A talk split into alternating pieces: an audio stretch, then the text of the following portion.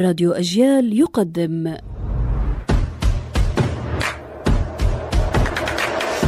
أصل الكلام عارف حجاوي هذا أولا شعر ساخر لأحمد شوقي يصف البراغيث في عيادة صديقه الدكتور محجوب. براغيث محجوب لم أنسها ولم أنس ما طعمت من دمي.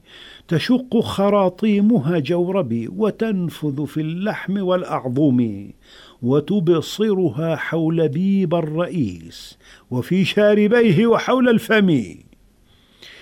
والبيبة هي ال pipe هي الغليون.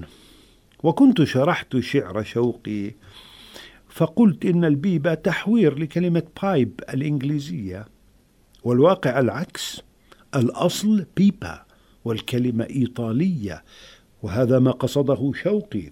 لم يكن يعرف الإنجليزية لكنه كان يعرف التركية وكان ملما بالإيطالية والفرنسية بالطبع كثيرا. بيبا في اللاتينية هي القناة ومنها جاءت كلمة أنبوب العربية.